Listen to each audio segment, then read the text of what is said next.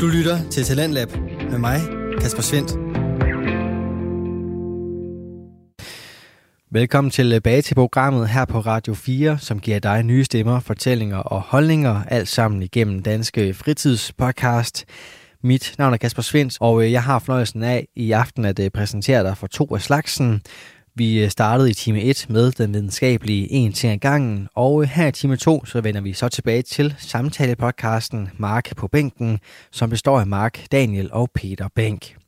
Og øh, som jeg var inde på i min introduktion til podcasten her i time 1, så leverer Mark på bænken altså et indblik ind til ungdommen, og det er igennem både underholdning, men også seriøse overvejelser om, hvordan livet egentlig skal formes.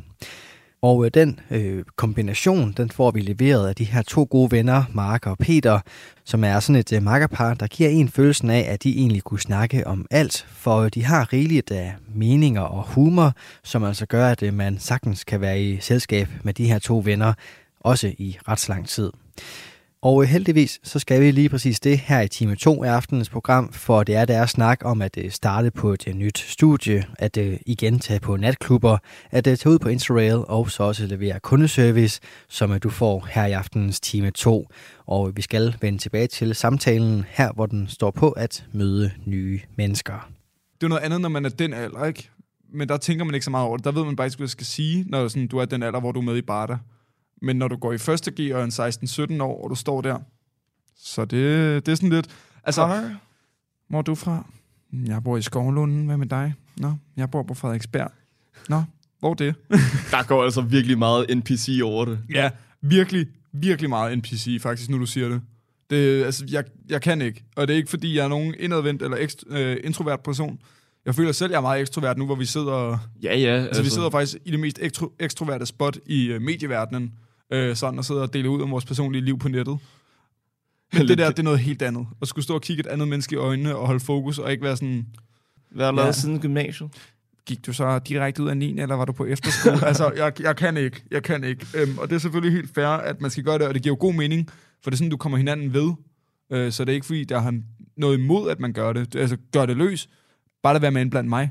Ja, så jeg overvejede faktisk bare lige at blive spawnet altså, til direkte undervisning, og så bare droppe alt det der navneleje. Enten det, eller så kunne man bare lige give sådan... Øh, tænk, hvis man lavede et gymnasie-CV, så skulle man lige læse hinandens CV igennem. Så slapper man for de der akavede interaktioner, så kan man gå direkte op. Nå, hej Lasse, hvordan går det med din Labrador på fire år? og, øh, er du egentlig stadig på B-holdet i fodbold ude i... Øh, er du stadig elendig? Er du stadig, er du stadig målmand hos Frederikssund FC øh, B-hold? Altså, det er meget nemmere. Det er meget nemmere. End, øh, du kan lige få sådan en SharePoint, sådan en PowerPoint-slide, øh, hvor der står noget med eneste elev, så du ligesom kan læse det igennem. Øh, alle, vi skal gå i klasse med, så står der, øh, Laura på 17 år, øh, har været på efterskole i et år, og nu er hendes body count på 15. Øh, wow. Hun har været på tre tænker, og øh, hun smugryger fra hendes forældre, men udover det, så er hun et familiemenneske, jeg kan godt lide at være til brunch med tøserne, ikke?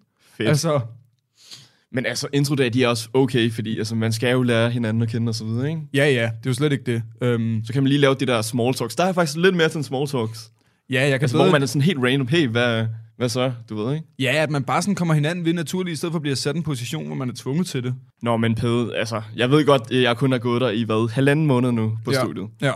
Men jeg har allerede tanker om at droppe ud. Hvorfor? Jeg synes, det er så kedeligt. Altså, det er jo sådan en kedelig 9 to 5, man, øh, man ender ud med, føler jeg. Ja, men altså, hvorfor startede du så? Hvorfor jeg startede? Ja. Jamen, det var fordi, altså, jeg tænkte, jeg skal sgu da blive akademiker. For eksempel, man kan jo blandt andet læse HR på CBS efterfølgende, eller samfundsvidenskab i jura. Men Mark, Mark, kan du se dig selv i en HR-stilling? Ja, sgu da. Kan jeg ikke det, eller hvad? Tror du virkelig, du kunne sidde og belære andre mennesker på en arbejdsplads om, hvordan man skal opføre sig og ikke opføre sig? Nej, Jørgen, du skal ikke pille på en. Stop. Altså, det kan godt være, at jeg ikke ender med at blive akademiker i fremtiden. Ja. Men jeg kan stadig nå at invitere min uh, mor til spisebordet. Og så få mit Scarface-moment, uh, hvor jeg siger...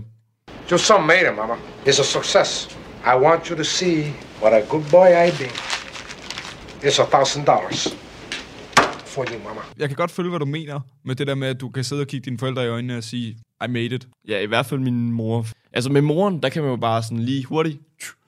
5.000, hey, jeg faktisk nogenlunde succesfuld øh, og sådan noget, ikke? Værsgo, ud og købe en task. Præcis. Ja, ja, altså, jeg tror, hun bliver lettere tilfreds, hvis jeg lige viser, sådan, at jeg godt kan klare mig og så videre, ikke? Ja. Men min far til gengæld, der skal man lige have en snak med ham. Det er sådan en mand-til-mand snak, eller det her. What's the matter? What's bothering you? I'll handle it. I told you I can handle it. I'll handle it. I never, I never wanted this for you. I worked my whole life. I don't apologize to take care of my family. And I refuse to be a fool. Dancing on a string held by all those big shots. I don't apologize, that's my life, but I thought that, that when it was your time that that you would be the one to hold the strings. Senator, governor, something. I'm not a Petronovanta. Oh, We'll get there, Pop. We'll get there. Så ham skal man bare lige hurtigt øh, berolige. Ja, ja. Ja, jeg kan, Men, godt, øh, jeg kan godt lidt se, hvad du mener øh, med det. Men altså, det, jeg det tror, kan altså, godt. jeg, tror, jeg tror stadig, jeg kan nå at blive big shot, uden en øh, kandidat på universitetet. Ja, ja. Det er jo ikke et krav, at du har en universitetsgrad for, at du klarer det godt. Nok om øh, studiestarter og uddannelse og alt det der. Altså, jeg har faktisk lige en ting. Ja. Jeg har været på natklub for første gang siden corona startede. Det var, det var- i marts 2020, det startede. Det startede, Danmark ja, og jeg var 3. gear på daværende tidspunkt, Ja, da det startede. ja. Så du var yngre, det end jeg er nu. Hvad? Du var yngre, end jeg er nu. Nej, jeg var 19. Jeg var faktisk også 19 Ja, ja. på daværende tidspunkt. Ja, Så var jeg faktisk på din alder, sjovt nok. ja, ja. Meget sjovt at tænke på. Men det, det, det, det er fucking lang tid siden. Jeg var på Hive, mm-hmm. og sidste gang jeg var der, det var til sådan en pre-party. Sjovt Ja. nok af Kongeby, Nikolaj Balsbro, som arrangerede det. Tidligere gæst på, Tidligere øh, på gæst af podcasten. podcasten. Hør den Hvis, tidligere episode med øh, ham. hvis I ikke ved, hvem han er, så øh, er det ham, der er vores gæst i episode 5. Sex? Øh, så pause lige og gå tilbage og lytte til den, og så kom tilbage hertil. ja, lige præcis. Men øh, så det, det er lang tid siden. Ja. Det gik op for mig, hvor brutale pikker egentlig kunne, kunne være. Det har jeg næsten fuldstændig glemt. Fordi Ja. vi er jo ofte på cocktailsbar og sådan noget. Det, vi, Altså, når du siger pikker, så mener du dørmanden, eller ham, der står, ham, der står med det iPad'en? Ham, der står med iPad'en, han, han er nemlig altid sådan lidt pretty boy men han er fucking brutal. Dem, der står med, ikke kun på Hive generelt, ham, den gut, der står med sådan lidt løse krøller ude for en natklub, og sådan en øresnegl i, sådan en hvid øresnegl, ja. Der står med iPad'en, ikke? han er Han brutal. er ikke til at fuck med. Nå, fair nok. Men okay, så var det her dørmanden faktisk. Mm-hmm. Det er ham, den brede gut i det helt sorte tøj. Ja, lige præcis. Det okay, det var dørmanden. Fair nok. Jeg Ja. mødte dørmanden i hvert fald. Ja. Han øh, tjekkede lige vores ID og så videre. Ja, ja. Øh, Vi var en gruppe af tre personer. Mm-hmm. Ham den tredje der, ikke? Ja. Der sagde dørmanden, du skal lige tage noget øh, pænere tøj på næste gang. Ej, det er fandme brutalt sagt. værste besked at få. Det er sygt sagt. Jeg har en ven, der engang ikke blev lukket ind på A-bar, på grund af, at han ikke havde pænt nok tøj på. På A-bar. På A-bar, det er sådan lidt... Altså, og øh, jeg kom senere end de andre, så nødt til at tage et par denimbukser med til ham, som han kunne have på, så han løb han over på Burger King. Men hvad havde han på? Han havde tracksuit på, Tracksuit. men ikke sådan, altså, ikke sådan, man kunne ikke stille et tracksuit, det lignede uh, suit pants. Nå, okay. Og så havde han uh, Balenciaga, de der speed trainers på. Men altså, A-bar, A-bar. ja, har de det virkelig sådan- kredibilitet til at være sippet med, hvem de tager ind og ikke tager ind? Så længe de er over 18, tænker jeg, at så, så er A-bar vel glad. Mm. Desuden, dem, der kommer i pindetøj, det er jo ikke dem, der kommer på A-bar. Hvis de gør, så er det ikke dem, der bruger pengene. Ja, ja. De altså. har brugt hele deres børneopsparing sidste weekend på Hive. Men øh, da jeg kom ind på klubben, ikke? Ja. så havde jeg sådan lidt, okay, hvad fanden er pænt tøj? Altså, når jeg tænker pænt tøj, en fed t-shirt, eller sweater for den sags skyld. Og så nogle fede sneakers, for eksempel sådan Jordan 1 High. Så kommer jeg ind, ind i klubben. Ja. Kraftet med mændene er iført suits og Lovar-sko. Mens pigerne, de havde sådan nogle korte kjoler, og så enten Adidas Superstar, eller Nike Air Force.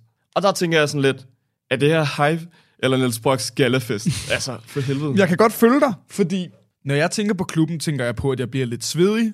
Jeg tænker på, at man står meget tæt, der er sygt varmt, og der er snasket, fordi folk, de popper champagne, de kaster med drinksene. Altså, det, altså, det er faktisk lidt en grisefest. Men jeg troede, jeg troede ikke, det var sådan noget tøj, men... Øh, Jeg ville sgu da aldrig tage et suit på på en natklub. Vel vidne om, at jeg vil være gennemsvedt. Jeg vil have det ubehageligt i det. Det vil være stramt siddende. og det vil blive super beskidt, og så skulle jeg sende det til rens. Det lyder lidt tryharder i hvert fald i mine ører. Det er meget tryharder. Det er for meget til mig, men det er også en grund til, at jeg ligesom har trukket mig lidt væk fra at tage på klub. Også en overraskende faktum i forhold til klubberne. Eller ja. jeg ved ikke, om det er faktum, men altså min øh, observation.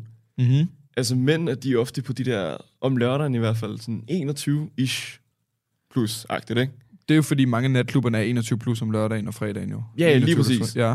Men kvinderne, slash pigerne, de er jo de er bare det der 18 plus. ja, ja. Det er sådan lidt en skævridning, jeg ikke lige helt forstår, hvis jeg skal være helt ærlig. Sådan er det. Sådan har det altid Altså, været. det er sådan lidt krisebasse-agtigt. Altså, jeg føler, man, man føler sig lidt som en krisebasse, når man Ja. kommer ind som 21-årig. Det kan jeg og så jo er der ikke bare sådan en 18-årig pige. Ja, altså nu har jeg været inde om fredagen og lørdagen, fordi jeg har været sammen med folk, eller kendt folk, eller der har været et eller andet. Men jeg tror ikke helt, jeg kan relatere til det på samme måde som dig, fordi jeg nemlig kun er 19. Øhm, Ja, et lille sjov faktum. Altså, jeg har faktisk aldrig været på en natklub med, med Pede før. Men lige, er det rigtigt? Det er rigtigt. Hvis du lige tænker dig om. Vi har kun været på bar sammen. Der var der den ene gang... Nej, der var det ikke med. noget. Der var du ikke med. Nej, vi var... Ja, Nej, jeg, den jeg, er god nok. Ja, Den er god nok. sygt at tænke. Jeg har, jeg har både været med Balsborg, men bare jeg har aldrig været med dig. Meget sjovt. Men, Men, øh, men det var også fordi... ja, jeg er der aldrig. Det er fordi, altså, dengang, jeg, jeg, sidste gang, du var på natklub før den her gang, der var jeg ikke gammel nok til ja, at blive lukket på der var du natklub. 16. 2020, der var jeg 17. 16-17, ikke? 17, Før ja, corona 16. startede, var jeg nærmest 16. Ja, okay. Fordi jeg blev 17 lige inden corona startede. Jo. Men øh, i hvert fald, natklubber, det er ikke lige mig, hvis jeg skal være helt ærlig. Altså, man føler sig meget klemt på, på floor, og det føles også lidt, sådan, lidt sjælløst på en eller anden måde. Ja, men jeg kan godt følge dig. Jeg havde det ikke altid sådan, men jeg begyndte at have det mere sådan. Du står bare sådan lidt og er i en sådan pretend-situation. Øh, og jeg føler ikke, man kommer hinanden ved, og man bliver væk fra hinanden, og der er... Øh, ja, det, jeg, Altså, i øvrigt, det skal lige siges, altså, jeg kan godt lide, at vibe rundt og sådan der ja. ja, hurtigt, du fyrer nogle moves af. det er slet ikke det. Altså, vi var jo til Kendrick Lamar her for, Ja. nogle, øh, for nogle dage siden. Altså, der var jeg jo fuldt ud. Ja, ja, men det, det er meget tilladt at vibe ud, og det har jeg heller ikke noget imod. Jeg føler bare, at det er sådan, jeg bliver... Jeg føler ikke, jeg har et mentalt overskud til at bakse mig igennem 900 mennesker, for at komme hen til min ven. Ja, ja, der bliver også skubbet Og en det- del og sådan noget. og Det, det er ikke, ah, det er ikke lige mig, det der. Og så har du ikke altid lyst til at være der så længe, men så har du givet mange penge for at komme ind, eller brugt mange penge derinde, men du er ikke rigtig fuld, og du er ikke rigtig ædru, og du er sådan lidt, øh, og du vil egentlig bare hellere over at købe en crispy chicken og så hjem i seng. Det er faktisk mere eller mindre det, der sker. Men hvis du går før klokken 1, så er det sådan lidt, så har du bare spildt dine penge, føler jeg. Fordi så har du været der i så kort tid. Jamen, det var det for vores vedkommende. Vi var der faktisk kun i en time eller sådan noget, og så Ja, ja, gik vi Ja, ja. igen. Mm, men i hvert fald, klubber, ikke lige noget for mig. Jeg, for mit vedkommende, så er det lidt spild af penge. Jeg har så lagt mærke til, altså, folk, der tit tager på klubber og sådan noget, de har ikke så mange penge sidst på måneden. Og Nej, det er sgu ikke noget, jeg ønsker i hvert fald. Jeg har været i den situation. lidt for mange gange. Der, der foretrækker jeg faktisk lidt mere sådan køretur med, med chef, mens man har sådan en sodavand i hånden, og så bare har de mest interessante samtaler. Ja, hvis det, altså, det koster slet ikke lige så meget. Hvis det er en dyr sodavand, koster den 14 kroner. For eksempel den der køretur, vi havde til Nordsjælland. Den var god. Den var vanvittig. Den var fed. Hvad brugte vi der? Vi brugte, 90 kroner øh, hver. Vi var i Mac'en, eller i Mac Drive-Thru, og så købte vi en sodavand. Det var det. Og så plus selvfølgelig benzin og sådan noget, ikke? Det, Ja, Det er jo vel en must. Ja, ja. Men det bad du ikke mig om at betale for, så nej, nej, det selvfølgelig. medregner jeg ikke. Nej, desværre. øh, og det er også lidt hårde tider lige pt, men ja, det er fint. Det er jo ikke sjove benzinpriser, vi er ude i lige de her dage. Men Pede, Ja. det er stille og roligt gået op for mig, at sådan, chancen for, at jeg kommer i et forhold den nærmeste fremtid, det er slim til none. Så ved du, hvad vi gør? Wow. Vi dropper fuldstændig den der cuffing season i år, og går all in på den der winter arc. What she's trying to say is we go gym! We go gym Now! We go gym! We go gym!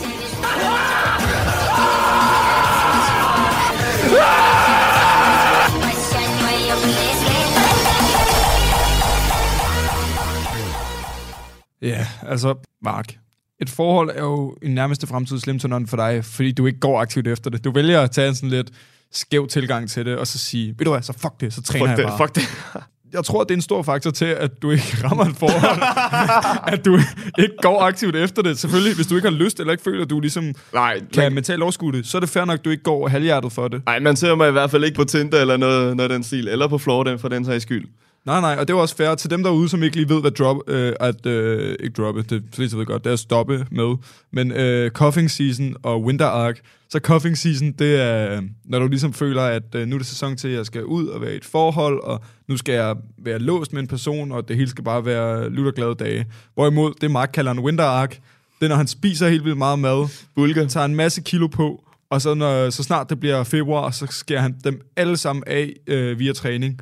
Så han bliver øh, kæmpe altså, shredded. det, det, det skal lige siges. Altså, det indgår selvfølgelig også, at man øh, træner en del og så videre. Ja, men det er jo det, Windarken er. Du bruger bare alle de timer, du vil bruge på at finde en kæreste på at træne. Nå ja, men altså, du fik det til at lyde, som om jeg bare skal blive fed. Nej, nej, nej, nej, det er ikke det, jeg mener. Det, jeg mener er, Mark spiser meget, men træner endnu mere. Ja, mere eller mindre. Ja. Ja, Og han spiser stort set kun kød. Du skal have proteinerne. ja altså, jeg får også noget Jeg mener ikke, at du gør det. Jeg mener, at målet er, at du skal spise masser af protein Ja, masser af protein selvfølgelig. Og masser af kalorier. Mm, men øh, jeg har faktisk også brugt lidt over 5.000 på udstyr og supplements. Det er, så det er øh, meget... selvom Max siger, at øh, han ikke var en af dem med ikke så mange penge tilbage på kortet sidste måned, fordi han vil gå på klub, Nå, nej, altså så, jeg har... han, ja, så bruger han alligevel 5.000 kroner på udstyr og su- øh, supplements. Nej, men altså, jeg har stadig penge til overs, på trods af alt det der. Ja, ja. Det er jo slet ikke det. Det er mere ironien i, at du for to minutter siden siger, at jeg skal ikke bruge en milliard på klubben og sådan noget, og jeg ikke har nogen penge tilbage sidste måned, og så siger du, at jeg har lige brugt 5.000 kroner på øh, proteinpulver. Nå, ja, ja, men Nej, altså... jeg, jeg ved, hvad du mener. Ja, det er jo ja, også ja. personal gain, og det er jo, altså, det er jo en hobby for dig. Det er jo din ting. Ja, jeg nyder det, jeg nyder det øh, fuldstændig. træningen. Og jeg, jeg gør det jo også. øh, Jeg gør mig også meget i det. Øh, jeg er ikke i fitnesscenteret klokken 3 om morgenen, som, da, som du er. Og jeg synes, jeg kan ikke få mig selv til at bruge 5.000 kroner, eller særlig Ja, ja. mange penge på udstyr og supplements. Men princippet er det samme. Det er jo en hobby. Ja, ja, men det var heller ikke det, vi hvad hedder det, skulle have fokus på. Fordi altså, jeg har lavet en del progress i, i fitness. Mm-hmm. Altså ikke bare gainsene, men Ja. altså også øh, for eksempel det her med at komme ud af komfortzonen, og så spørge andre om spot. Så du laver personlig udvikling, imens du træner, altså sådan mentalt? Ja, jeg ved ikke, om det er mentalt, men altså det her med at komme ud af sin komfortzone, Ja, ja. Og så spørge andre om, sådan der, om spot. Det har jeg ikke sådan rigtig gjort mig ud af, fordi jeg sådan, jeg er meget sådan, uh, ikke... du ved, Tilbageholden. Ja, Tilbageholden. ja, ja, tilbageholden. Ja. Så jeg spurgte faktisk en, øh, en der, der var to gange så stor som mig. Altså, det virker sådan lidt halskræmmende, når, det er sådan, at folk, når, man, når man spørger andre, ja. fordi de er større og stærkere osv. Mm-hmm. Men da jeg spurgte, så var han sådan der, ja, selvfølgelig og sådan noget. Altså, man skal bare lige huske, dem der, hvad hedder det, træner nede i fitness og er større end en, Ja, sådan brød. de er ofte de flinkeste fyre dernede. Ja, ja, og de er Eller også, kvinder, selvfølgelig. de, altså, de mennesker, der er nede i fitten hver dag, og er super shredded og kæmpe store, Ja, De de, kender også- hvad struggles og sådan noget. de jo. har jo også været øh, i den tidligere proces, hvor man selv er i. Mm. De er jo ikke født øh, super muskuløse med en meget, meget lav fedtprocent. Det er jo hårdt arbejde. Og der er, jo, altså, der er jo ingen, der siger, at du er et tavligt menneske, eller du er behageligt menneske, bare fordi du har store muskler, og bruger tre timer om dagen nede i øh, Fitness World, eller Sats, eller hvor du nu træner. De er der jo for selvudvikling og så videre. Ja, ja. Også her klokken 5 om morgenen eller sådan noget. Der, der var der også på et eller andet tidspunkt, hvor jeg også sådan der lige var begyndt at struggle en lille smule. Så Ja. kom der bare en eller anden helt tilfældig, og bare spottede mig ud af det blå. Sådan fuldt ud øh, superheld, der bare kommer kørende. der, der føler jeg lidt, at man kan sådan tage ekstra rep på grund af sådan her. Ja, ja. Hvis der er en eller anden, øh, der lige Ja, har hvis trygheden ved det. trygheden ved det. Ja, jeg prøvede det samme første gang. Øh, jeg prøvede at køre, hvad var det? Første gang, jeg prøvede at køre 80 kilo øh, i bænk. Mm. Øhm, der havde jeg ikke noget spot. Jeg tænkte bare, jeg er klar. Jeg er klar. Og det var jeg også. Øhm, det gik super godt. Så jeg tog to reps, og så på mit tredje rep, fordi jeg blev sådan lidt overconfident, Ja, man tager ofte ekstra. så tog jeg, øhm, så tog jeg flere. Og så kunne jeg bare mærke, at det gik galt. Og sådan, det var lige ved at være en af de der awkward fitness moments, øh, man ser på YouTube. Og sådan ja, noget. ja. Men så kommer der fandme en gut og bare tager fat i den ene side og løfter den op, og så siger han, Nå, øh, 80 kilo? Så siger jeg, ja, men jeg fik den også de første to. Så var han sådan, ja, men jeg så det godt. Og så var han sådan, pas nu på, at du ikke bliver overconfident. Jeg kan godt huske, da jeg selv var der og sådan noget. Ikke? Jeg var bare sådan, fuck, hvor nice. Altså, ja, ja, ja, 100. Men i hvert fald til folk, der gerne vil op og træne. Folk er altså ikke særlig skræmmende, som man lige går, tror jeg. nej, du kan sagtens gøre det ved dig selv.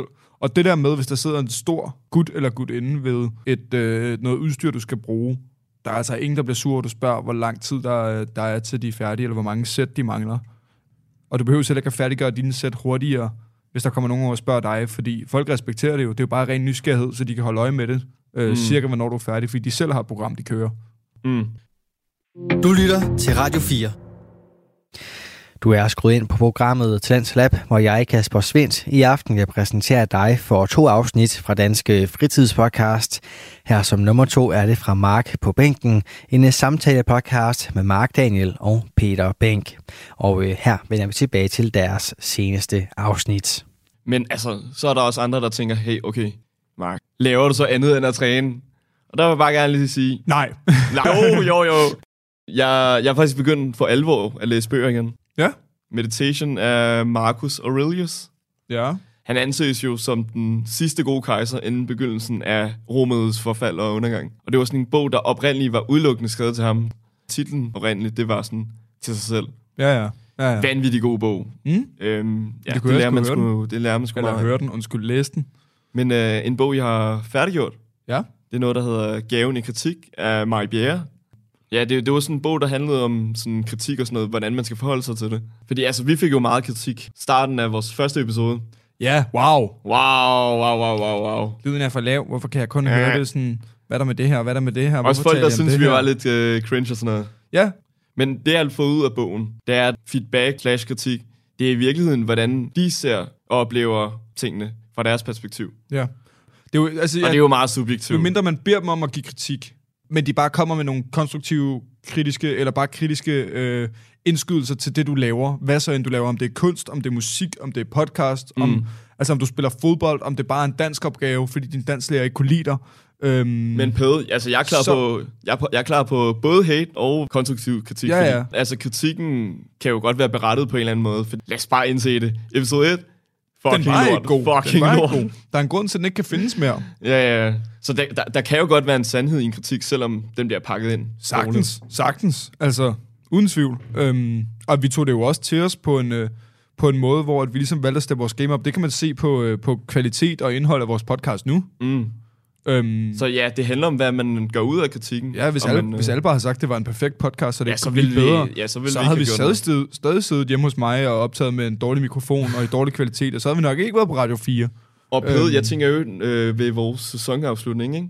Ja. der tænker jeg, at vi skal forklare hver episode, hvad tankengangen var, og så dens udvikling derfra, Altså, med highlights og så videre. Hvad, altså, hvad vi startede med at ville tale om, og hvordan Fordi der, var, der var en vi grund kom på sidespor. Ja, lige præcis. Der var en grund til, at vi øh, begyndte at ta- optage her, slettede episode 1, og så videre, og så videre. Ja, Jeg ved ikke, om vi må lige, jeg ved ikke, om vi må lige, øh, hvorfor vi slettede episode 1. Du ved jo godt, hvorfor vi slettede Jeg ved episode godt, 1. hvorfor. Altså, for jer lyttere er den jo slettet. For os er den bare voltet. Vi har den faktisk. Og spørgsmålet er, for jeg tænker sådan lidt til en jubilæumsepisode, eller en fejringsepisode, et eller andet, om man burde blippe nogle af de, øh, de ting, vi ikke måtte sige ud, og så give et, øh, hvad kan man sige, et Hollywood-cut, om du vil, af filmen, øh, som er lidt mere øh, godkendt for øh, de parter, og det vi taler om i den. Altså, jeg, jeg tænker bare, at vi forklarer, hvorfor vi gjorde det. Ja, det kan vi også godt. Altså, Nu teaser vi det rigtig meget. der skal vi lige spørge vores ven, øh, om det er okay. Ja, ja. Der er flere forskellige ting, øh, som vi lige skal have noget godkendelse på i det sammenhæng, fordi at det også er andres liv, vi sidder og taler om. Øhm, Men i hvert fald øh, læse bøger, det, Ja, læs bøger. Det er også sundt for dig. Det er en, det er en ny, øh, eller det har altid været en hobby på en eller anden måde, men det er noget, jeg begynder at sådan, gå lidt mere op i. Ja, ja. Og ja, så det var egentlig bare det. Men øh, ja, videre. Du har simpelthen ikke mere nu, efter 44 minutters optagelse. Det her, det er måske bare podcast-episoden, der hedder Mark på marken. Nej, nej, nej, nej. Vi tager lige en hurtig musikpause, og så kommer vi tilbage igen. Yes.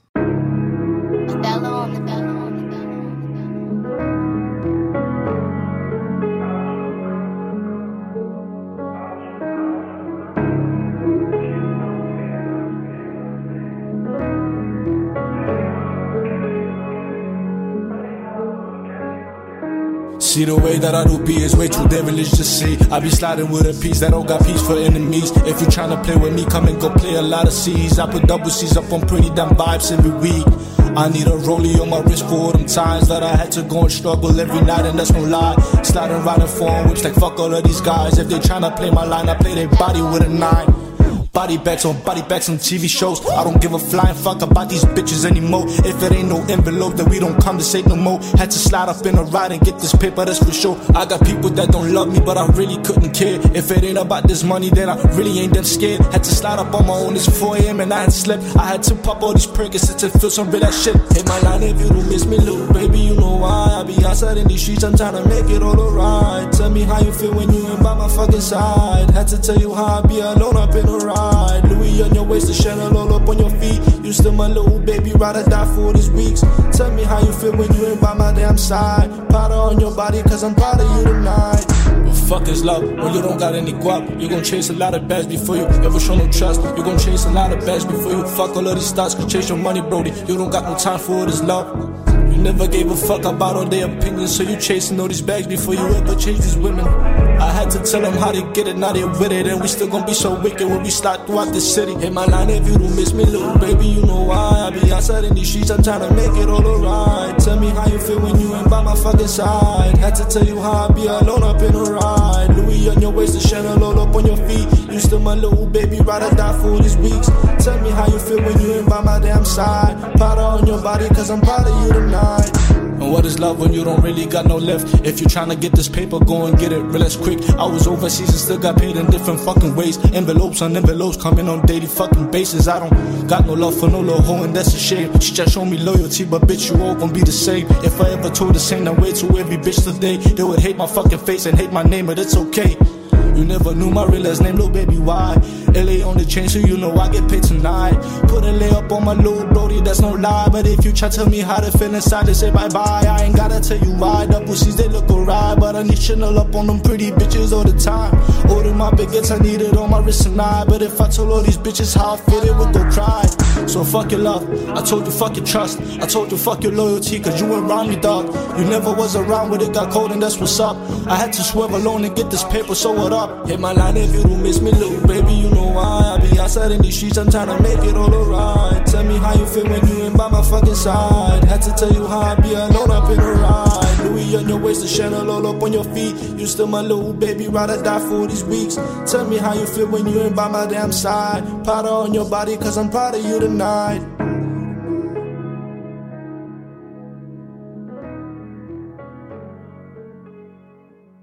Og det var den musikpause, dem. så er vi tilbage igen. Det er vi. Øhm, jeg har jo også lavet noget siden sidst, kan man sige. Ja, hvad har du lavet på? Jeg har øh, rejst en del. Mm. I to omgange faktisk. Den ene lidt længere end den anden. Jeg har været på Interrail med min kæreste i 18 dage. Vi var øh, et smut igennem Amsterdam, Paris, Lyon, Monaco, øh, nu skal jeg lige huske hele rækkefølge, Nice, Pisa og Milano. En helvedes masse byer. Og Hamburg. Vi var også lige i Hamburg. Ikke lige den rækkefølge, men vi var også i Hamburg. Super fedt. Møg fedt. Altså, jeg kan, jeg kan anbefale det til alle. Gør det. Please gør det, hvis I har tid, penge, kapacitet til det, lyst til det. Spring ud i det. Det er den obligatoriske sabbatårrejse. Ja, det var det eller Asien, ikke? Ej, øhm, men det er super nice, øh, og det kan helt klart anbefales. Nogle af de ting, jeg fandt fedest ved det, var den måde, du kunne tage fra en by til den anden, og så opleve noget helt anderledes, selvom du kun har kørt i tog i et par timer. Jeg ved godt, nogen siger, at det er bare ligesom, hvis du flyver. Det er noget andet, når du gør det fra dag til dag til dag til dag. For eksempel, først var vi i Amsterdam. Meget unikt. Sindssygt spændende sted. Rigtig meget at se og opleve på en fed måde. Der var rigtig mange, der røg. Ja, Sjovt nok, det er jo lidt den europæiske hovedstad for det. Hvad var det, de røg? De røg øh, Fjolletobak? fjolletobak, ja. Djævelens salat, som man, øh, som man kalder det. Det gjorde mig og min kæreste ikke, skal det siges. Det var, det var ikke lige os. Men øh, vi så Heineken-museet for eksempel. Super nice. Ja. Øhm, Heineken, tænker jeg alle sammen ved, hvad er. En af verdens største ølproducenter. Selvom man ikke drikker øl, er det ret spændende. Øhm, det er en ret spændende historie, de har. Hvad de ligesom har gjort for Holland også. Øh, hvordan de har bragt Holland ud på markedet til både international eksport og import. Det kommer Niels Borgeren meget frem i mig, kan I høre. Men det er også super flot museum i sig selv. Øh, det er flot sat op. De brygger ikke øl der mere. Der er en bar, så hvis man drikker alkohol, så øh, får man også to drinksbilletter med i det, som de kan gå ned og få en kold fadøl. Ret lækkert. Men ja, Amsterdam, super fedt. Paris. Jeg har jo noget familie, der bor dernede omkring. Jeg var nede på et lille familievisit. Øh, både min kæreste og jeg har været i Paris før. Øhm, så vi så oplevede ikke så meget Paris, da vi har oplevet en del af det. Men altså, jeg elsker den by. Elsker Mm. den by. Så er der ikke så meget at sige der. Lyon derimod. Wow, hvor skal I tage til Lyon, hvis I har muligheden, når I sidder derude og lytter til det her. Super fedt sted. Du kan hurtigt bruge tre dage bare på at opleve byen. Altså, de har, de har et sindssygt filmmuseum. Jeg kan rigtig godt lide film. Super nice. Jeg kan være, det kunne være, at vi skulle smide et billede ind øh, Ja, af selvfølgelig. mig øhm, til- på det museum i vores Instagram-opslag. Jeg har nemlig stået med det originale øhm, dinosaurhoved fra Jurassic Park, som vi brugte på sættet. Okay. Øh, det var sådan en film prop museum, hvor de ligesom havde en masse originale, øh, hvad nu man kalder det på dansk, props, øh, sådan, øh, ja, hvad hedder det, altså, Vi alle de, det godt, vi alle de ting, de bruger på filmsæt og sådan noget, øh, skulpturer, øh, Så er det rekvisitter? Rekvisitter, tak. Rekvisitter, ja. Øh, så er vi på et mega flot museum, ikke museum, akvarie, super flot akvarie, øh, også meget spændende. Øh, vi var på et lille foodmarked, altså food market, ikke? Så ligesom papirøen. Det her var ikke lige så stort, men super lækker mad. Man fik også Monaco, det er Monaco. Der var biler over det hele. Dyre biler. Jeg er vild med det. Jeg elsker det. Jeg har, altså, jeg tror måske, jeg har 30 billeder af biler. Jeg ved godt, det er sådan et cringe at tage billeder af dyre biler. Men det her er nogle biler, du, du ikke ser i Danmark. Altså virkelig ikke ser i Danmark. Øhm, også et til akvarie, øh, og sådan et hav, øh, sø, marine museum. Super spændende. Øh, Italien. Ja. Pisa. Milano. Firenze. Wow, jeg er vild med det. Mm. Firenze især. Fantastisk sted. Fantastisk sted. Super meget litteratur, super meget kultur. Det er ægte Italien. Det er Italien, der er Italien. Også Pisa. Det skævtårne Pisa så jeg også. Der var mange mennesker. Det er ligesom, hvad jeg har at sige om det. Flot. du at se uh, tårnet? Ja, rigtig flot tårn. Lavede du Øh, den jeg, der helt gode... Uh... Jeg var ikke op. Nej, jeg lavede den ikke. Jeg nægter. Og både min kæreste og jeg blev enige om, at det er noget af det mest forfærdelige i verden at tage det billede, hvor et folk står og kigger, eller står sådan og læner sig op ad tårnet. det er ligesom dem, der sætter fingrene på toppen af Eiffeltårnet. Er ikke sød at lade være. Ja, den, uh, det er no-go. Please, la- er ikke sød at lade være. Fordi det, du er så stereotypisk turist. Og der er ikke noget galt med at være det, men det er bare, vi har alle sammen set billederne, vi har forstået, at du har været i Pisa. Øhm, til gengæld var jeg i kirken, der var lige ved siden af. Ja. Den synes jeg var mere fascinerende. Ja, gamle katolske kirker, de kan sgu noget. Gamle katolske kirker kan virkelig noget, og de er super flot indrettet. Og i Milano, der tøffede vi omkring og oplevede nogle forskellige ting, fordi der var vi ikke så længe. Der var vi et lille døgns tid, inden vi fløj hjem fra Bergamo. Øh, der fik vi en rigtig, rigtig, rigtig sær kebab. Lille step, øh, sådan en lille stop ude foran øh, togstationen Ja. øh, klokken 1 om natten. Bare lige hurtigt. Hvad, hvad var din yndlingsby så? Jeg bliver nok nødt til at sige øh, enten Amsterdam eller Firenze. Men jeg har også virkelig lyst til at sige Lyon. Jeg ved det virkelig ikke. Det hele var fantastisk. Jeg tror, det var kombineret. Så var vi også lige, jo, vi var også tre dage på sådan en lille resort. Øhm, tre-fire dage øh, lidt uden for Firenze. Det var bare sådan en afslappning. Super lækkert. Mm. Altså. Så, så, hvis, der, hvis der er nogen, der skal på resort, eller sådan på sådan en sl- afslappningsferie, ikke? Demidorf Resort, lige uden for Firenze, en lille by, der hedder Pratolino. Mega svært at komme derop, hvis du ikke har bil. Mega lækkert sted Okay. mega lækkert sted. Heller Så- ikke sådan sønderligt dyrt, når du er ude af sæson, men der er jo stadig mega varmt i Italien. Så alt i alt en rigtig øh, god interrail-tur. Meget, hvad kan man sige, succesfuld interrail-tur. Mm. Nu hvor du er færdig. Ja. Har du så nogle øh, interrail-tips til folket? Det har jeg. Ja, Det er fyr helt sikkert. Bestil dine pladsbilletter i god tid. Man skal bruge pladsbilletter i rigtig mange tog øh, rundt omkring i Europa. Det er godt at tjekke op på det i god tid. Bestil dine hoteller Airbnb's i rigtig god tid. Vi endte med at betale lidt for meget nogle steder, eller gå på kompromis med, hvordan vi boede, fordi vi var sent ude. Det er der ikke nogen grund til. Så være ude med planlægning i rigtig god tid, vil jeg sige. Ha' styr på, hvad du vil se de forskellige steder, og være ligesom bevidst om, hvad du går ind til. Og så have styr på noget af kulturen, øh, spisesteder, hvad, hvad for nogle, der er dyreområder, hvad for nogle områder, du ikke skal gå i, alt sådan noget. Fordi så får du den bedste oplevelse. Selvfølgelig er der også noget spontanitet i det, og det er super fedt. Men du skal også altså, lave lidt background research, selvom det ikke er det, Interrail er kendt for, fordi du får en mere øh, afslappet tur på den måde, Mm. øh, vil jeg sige. Okay. Så var jeg faktisk ude at rejse igen. jeg har været ude at rejse en del. Jeg var også lige et øh, weekendtur i Dublin Okay, Øh, ja, ja, selvfølgelig. med to af mine venner. Det var her for nyligt. faktisk. Ja, det, er, det var to weekender siden. To weekender siden, ja. Øhm, jeg har intet dårligt at sige om Dublin på nogen måde.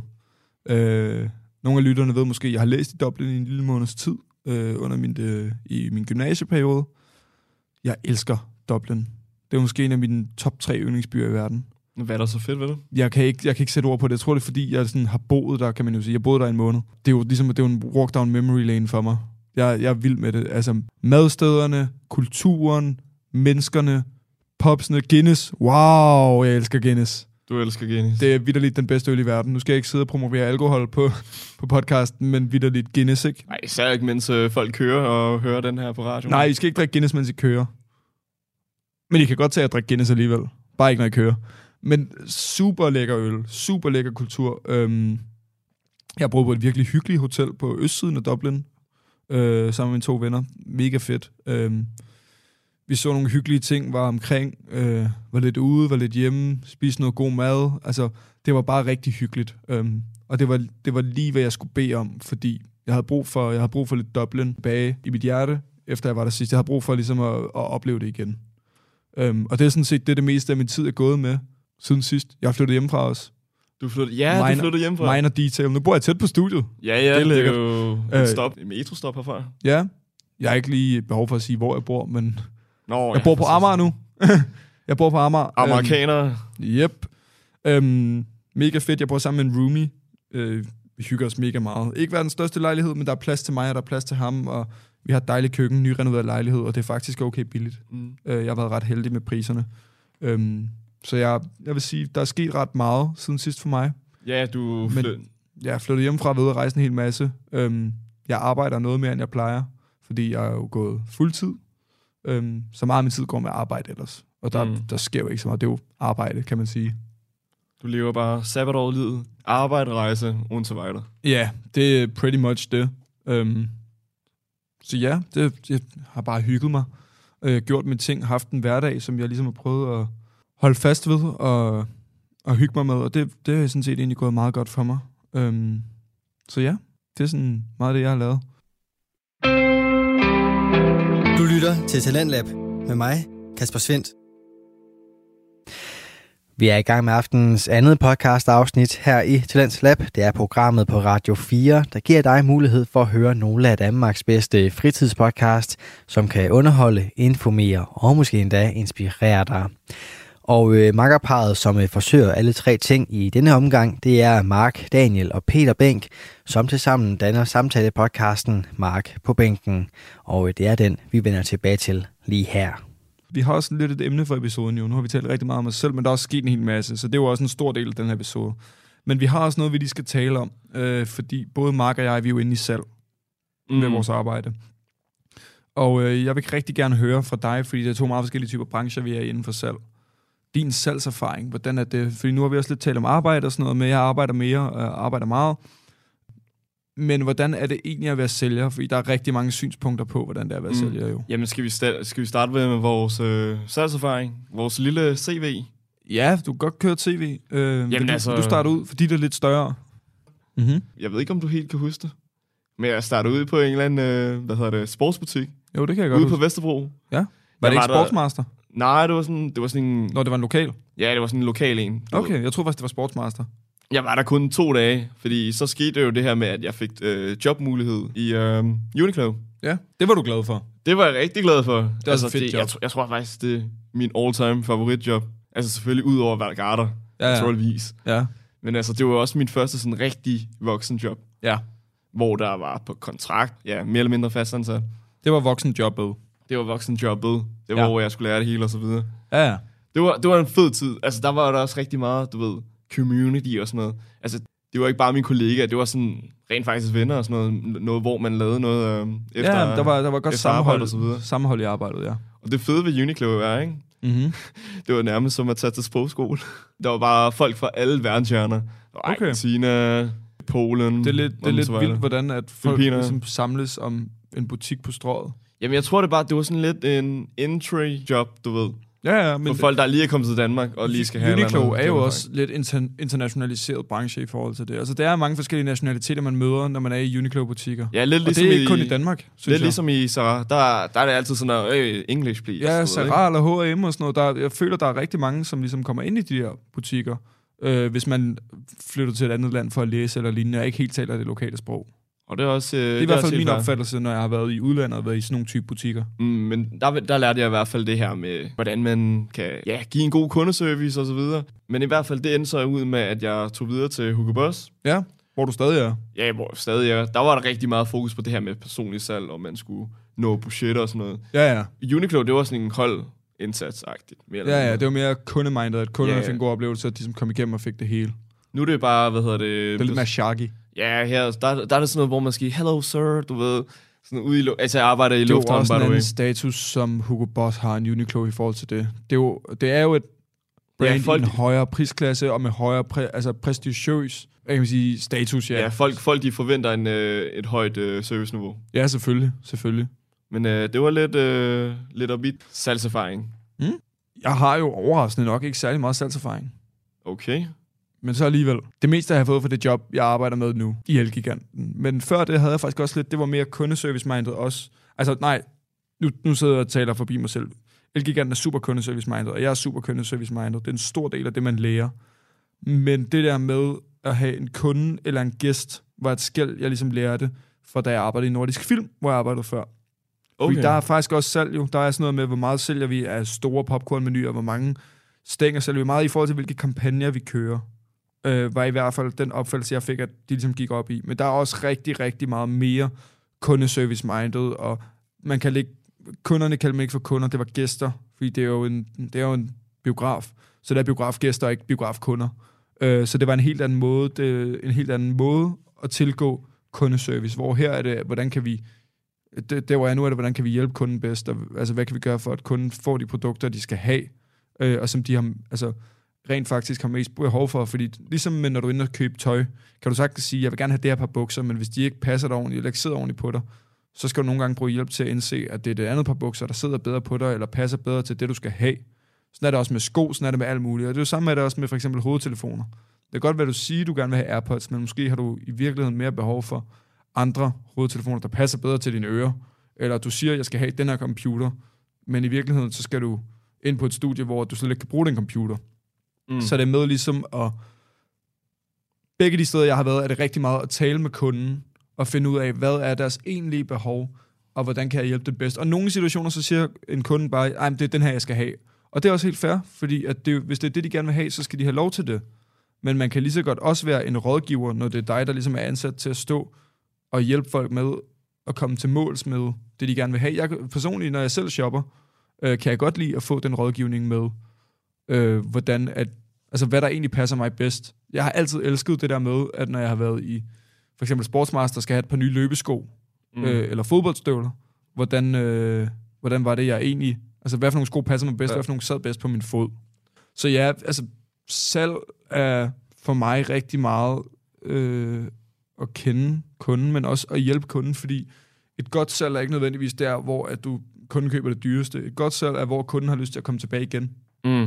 Øh, og har lyst til at ligesom føle, at de har fået en god behandling. Og sådan har jeg det på samme måde, øh, når jeg selv er ude og købe ind også. Altså, det kan godt være, at jeg køber den dyreste iPhone, hvis jeg er blevet behandlet virkelig dårligt, eller jeg køber den dyreste flaske vin i en vinhandel. Men hvis jeg er blevet behandlet dårligt, og en stor var sådan lidt ignorant og sådan noget, og bare var sådan, ja, ja, den skal du bare have. Og, mm, mm.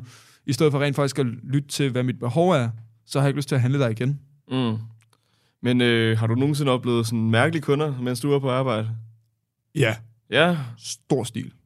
Jeg har øh, engang haft en kunde, nu vil jeg ikke sige hvor, men som stod og talt utrolig grimt om andre etniciteter og sådan noget højlydt, og der var også andre etniciteter til stede, fordi at det var vel bare sådan, han hun var. Men der bliver jeg nødt til at bede kunden om enten at stoppe med det, fordi det var gjort andre kunder utilpas, eller ligesom forlade stedet. Fordi at det, det går ikke, og det gjorde andre utilpas og sådan noget. Det, Ja, var, ja. det var en ret ubehagelig episode, jeg havde med det. Ikke noget, der gik mig på, men det gjorde ligesom, det var, det var super ærgerligt for mig at opleve andre mennesker blive stødt og påvirket negativt af en persons holdning, fordi personen havde brug for at stå og ytre det offentligt, øh, når der kun var negativt at sige. Og det gik direkte gik efter forskellige etniciteter eller mennesketyper. Mm. Det er, sådan, ja, okay. det, det er sådan det mest voldsomme, jeg har oplevet, vil jeg sige. Ja, fair nok. Altså, jeg ved ikke, om det er mærkelig kunde, men jeg havde en, der gik over til mig. Mm-hmm. Så sagde hun sådan, ej, det er lidt, det er lidt akavet, det her. Og så tænker jeg, øh, skal hun til at spørge om mit nummer, eller et eller andet? så går der sådan 10 sekunder, vi kigger bare på hinanden. Jeg kigger, øh, kigger på mig, jeg kigger på hende, du ved, ikke? Ja. Og så, så siger hun, det er et eller andet med, at mit, øh, mit kort, den ikke virker. Så er jeg sådan, ja, okay. Øh, det ved jeg sgu ikke lige, hvad jeg skal gøre. Og så spørger hun sådan, kan du klikke ud for mig? What? No way. Og du ved, altså på den her tidspunkt... Kæmpe scam jo. Jeg havde kun 500 kroner på kortet, eller noget, sådan, noget, noget af den stil. Så det er også akavet for dig. Ja, det sætter jeg kan, dig se, ja, jeg kan se, at varen koster 300 kroner. Ja. Og så følger han lige hen til terminalen, og så, så var jeg sådan der, prøv lige igen, eller sådan noget, ikke? Mm-hmm. Så er der, hvad hedder det, afvist. Ja. Mm. Så gik der lige nogle sekunder, begyndte hun at græde og sådan noget. What? Ja, hun begyndte at græde, at hun skulle købe en gave Ah, til en eller anden. Det var ja, en gave ja, og sådan ja, noget. det var noget vigtigt. Det var noget vigtigt. Det var til kæresten eller sådan noget, tror jeg, det var. Mm-hmm. Det er jo en sweater. Og det kommer vi ind på senere, hvorfor det er sådan lidt. Men øh, i hvert fald, øh, hun, skulle, hun skulle købe sådan en sweater, ikke? Ja. Så hun begynder at græde og sådan noget. Og du ved, jeg får det dårligt af det. Ja, selvfølgelig, selvfølgelig. Så begynder jeg sådan at betale for det, lægge ud. Mm-hmm. Og det blev hun super taknemmelig over. Ja, selvfølgelig. Stoppede med at græde, så fik Det jeg var ud af butikken. dig. Ja, ja, selvfølgelig og sådan noget, ikke? Ja. Øh, det endte med så, at øh, hun betalte tilbage og sådan noget, fordi jeg fik selvfølgelig hendes nummer og så videre og så videre. Ja. Det er gav altså... sådan en 50 ekstra og sådan noget, og jeg tænkte, ja, Ja, ja, sindssygt. Mm. Så det er jo ikke fordi, øh, hun skammede mig eller noget. Jeg fik også en rigtig sød besked med, ah, det er godt, at du tror på det gode, øh, på trods af alt det onde han og så videre. Okay, det er lidt crazy. Ja. Men jeg fandt så ud af, at hun var influencer. Nå, og havde en øh, strikvirksomhed. Nå, ej, Og der var sådan lidt, hvorfor i alverden øh, laver du ikke bare selv? Nå, I stedet for at betale. Ej, det er jo, øh, prøv at høre. Det kan godt være, at han har ønsket sig den præcise trøje, jeg sagt. Det er godt lide designet til den der. En Uniqlo, tror jeg, til 300 Det ved man da aldrig. Det kan også være, hun bare vil være sød. Det kan være, at han har 900 striktrøjer derhjemme fra hende. Altså, er det ikke bedre at få sådan en personlig en? Jeg kan bedre lide... Altså, min kæreste strikker jo også. Jeg Mm. mm. drømmer om at få en striktrøje, og jeg har, ved godt, at altså, det er svært. Og jeg ved også, hun er i gang med en, eller har tænkt sig at begynde på en til mig. Men det er svært. Det er super svært at strikke. Øhm, og jeg har også fået nogle andre ting, hun har strikket til mig. Dem er jeg super glad for, fordi jeg kan godt lide det personlige i det, og jeg synes, det er rigtig nice. Mm. Øhm, så jo, jeg vil blive mere glad for det, end en Uniqlo sweater til 300. Fair nok, men Øhm. øh, nu nævner jeg det her med, at øh, jeg troede, at hun ville øh, spørge om mit nummer. Mm-hmm. Vi har jo et poll øh, relateret til det der. Det har vi. Er det okay at prøve at skrue en salgsassistent, mens vedkommende er på arbejde? Ja. Og der er jo der er lidt forskellige tal på den. Ja, Vi har fået 76 procent af vores lyttere, der har sagt ja, og 24 procent, der har sagt nej. Øhm, hvad er dit øh, take på det? jeg sagde nej, Du sagde nej? fordi jeg føler, at det kan stille øh, personen i en rigtig, rigtig akavet situation, og det har ikke rigtig noget med ens arbejdsplads at gøre. Så jeg synes, det er sådan lidt, så må du, så må du være komme til kortene hurtigt og sige, hey, jeg synes, du er rigtig god på betjening, jeg synes, du er rigtig flink, kan jeg ikke få dit nummer? Øhm, for jeg godt kunne tænke, dig at lære, tænke mig at lære dig bedre at kende. Men så må du holde den der, i stedet for. Det men jeg tror også, det er fordi, jeg har oplevet, at der har været personer inden, der har prøvet at score nogle af mine kollegaer, eller en af mine kollegaer. Øhm, Altså kvindelig, eller? ja, jeg har okay. Okay. en mandlig kollega, Fair. som blev lagt an på af super mange kvinder. Eller havde en mandlig kollega. Jeg arbejder ikke sammen med ham mere. Men han er også super pæn, super pæn mand. Og jeg følte sådan lidt, det var, det var lidt provokerende, at der skulle stå folk og lægge an på min kollega, imens der var kunder i kø. Mm. Som, altså, du ved, når de bare står og smalltalker på den måde. Jeg synes, det er sådan lidt, ja, det er sødt på en måde. Men jeg føler lidt, det hører til uden for arbejdspladsen. Så må du gøre det kort og kontant. Men øh, vi har også fået nogle respondenter. Ja. Når der er nogen, der har skrevet. Ja. Vi har fået fra, ja, det er så en mand. Kan hun Ja. stjæle mine penge? Kan hun tage imod min skruereplik? Koldt sagt. Og så en anden mand. De skal, Okay. bare, de skal bare hugge. Okay, det er lidt for grovt til min smag. Det synes jeg skulle sådan lidt... Ej, okay, den cutter vi. Skal vi cutte den? Dude, det kan du ikke sige. Nej, den cutter Nej, den cutter, jo, den vi kan godt lade den blive inde, men vi kan bare lige sige til ham, der har skrevet det derude. det er lidt fucked up. Stop. Det, det der, det der. Altså, det, det, for det, det, første er der ikke nogen kvinder i det. Nej, det, det, det er det grunden til, at øh, jeg gerne vil øge øh, kvindeandel. det er for, at vi får nogle, Ja, lidt, det- lidt flere seriøse Det, det er sygt sagt, det der. Det, Det er den, sagt. den tager jeg alvorlig afstand fra. Jeg tager også afstand fra det. Så har vi en anden mand. Ja. De fleste kvinder føler sig utrygge på arbejde, hvis de ikke kan være der uden, at mænd glor og prøver at skrue. Der er faktisk meget enig. Det er nemlig også derfor, Ja, jeg trykkede nej. Nu, nu ved jeg, at meget af de her svar, de var mænd. Ja. Ja. Men jeg har faktisk været ude og interviewe en, Nå, som var kvinde, nå, og spurgt fra, ud fra hendes perspektiv. ja. Og det kommer her nu. Jeg står her med Ivana fra Hugo Boss, som jeg arbejder med ude i Fields og i Lufthavnen. Ivana, som salgsassistent. Så nogle gange så kommer der jo nogle, øh, nogle mænd og spørger mm-hmm. dig diverse spørgsmål. Ja.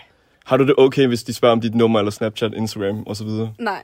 Hvorfor? Okay, hvis vi antager, at jeg var single, jeg synes, det er så cringe, fordi jeg er på arbejde. Jeg snakker udelukkende med dig, fordi at jeg bliver betalt for at give dig en service. Altså, jeg står ikke her og tænker, kan jeg hjælpe dig med noget, for jeg synes, det er hyggeligt. Har du nogle sjove historier, hvor det, hvor det skete? Jeg har masser. Har du lyst til at fortælle en? øhm, der var en gruppe drenge, der kom, og jeg spurgte en af dem sådan der, hej, øh, jeg leder efter noget bestemt, der er noget, jeg kan hjælpe jer med. Så siger den ene, øhm, jeg leder faktisk efter en fremtidig kone. og så begyndte hans venner at grine, og jeg tænkte mig, det her, det har ikke tid og tålmodighed til, så sådan, det er ikke her, du finder en. Men kan du ikke forstå det fra et drengeperspektiv, fordi det er jo once in a lifetime, hvor de ser dig. De har aldrig mulighed for at spørge dig igen. Jamen, jeg kan godt forstå det, fordi hvis de får en afvisning, ser det mig aldrig igen. Men jeg synes bare ikke, det er særlig fedt, at der kommer tre hver vagt og spørger om min Insta eller min Snapchat. Ja, okay. Det var, det var ordene fra Ivana.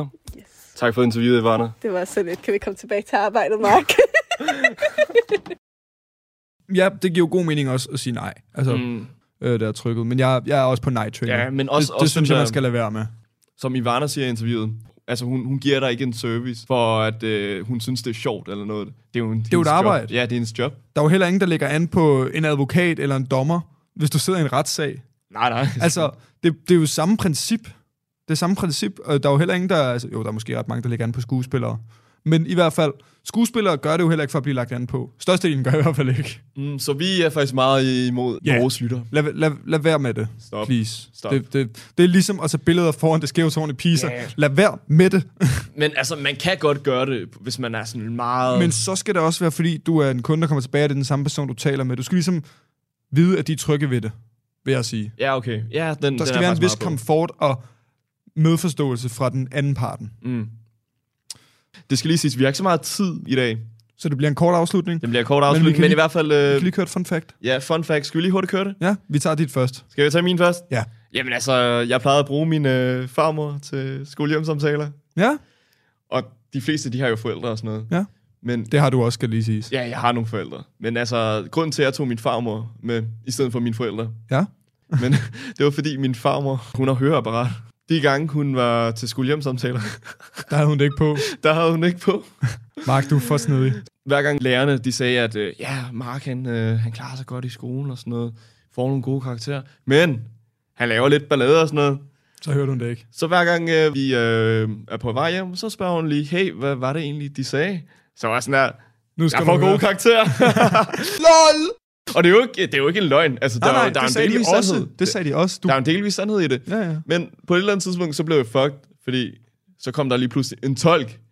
Og den var jeg ikke helt klar på. Den er de- lidt skidt. Ja, den er lidt skidt, fordi de sidder helt ved siden af og snakker helt ind i øret. Altså, jeg har en lillebror, som lige er startet på skole. Ja, Jeg skal kraftedeme være til de der skolehjemsamtaler. det forstår jeg godt. Når, hvis der er en eller anden fuck lærer, Så smæk dem. så skal jeg køre fuld af Top Boy-stil. Lidt eller det her. Hi. Are you a relative? Brother. Oh, okay. so, Stefan, why don't you tell me how you think you're getting on? Well, it's not going very well, is it? I'm looking at the scores here you've given him, they ain't very good. Well, I'm afraid Stefan isn't putting in the effort. How come? Because all the other teachers giving him high marks. What that says to me is you're the odd one out. Do you get it? Which means it ain't about him, it's about you. Stefan also says you're very sarcastic. Nobody likes sarcasm. Do you understand? Well, m- maybe we could look at some of Stefan's marks again. Men øh, ja, det var så min øh, fun fact. Jeg vil holde mit kort. Mit navn er jo Peter Bænk. Mit efternavn er Bænk. Og derfor valgte jeg øh, tilbage i august at få tatoveret en bænk på mit lov. Så jeg har en bænk på lovet. Raw. Øh, ligesom mit efternavn. Øhm, Jeg mangler hvis vi bare- lige kan få et ordentligt billede, hvor jeg ikke står uden bukser på.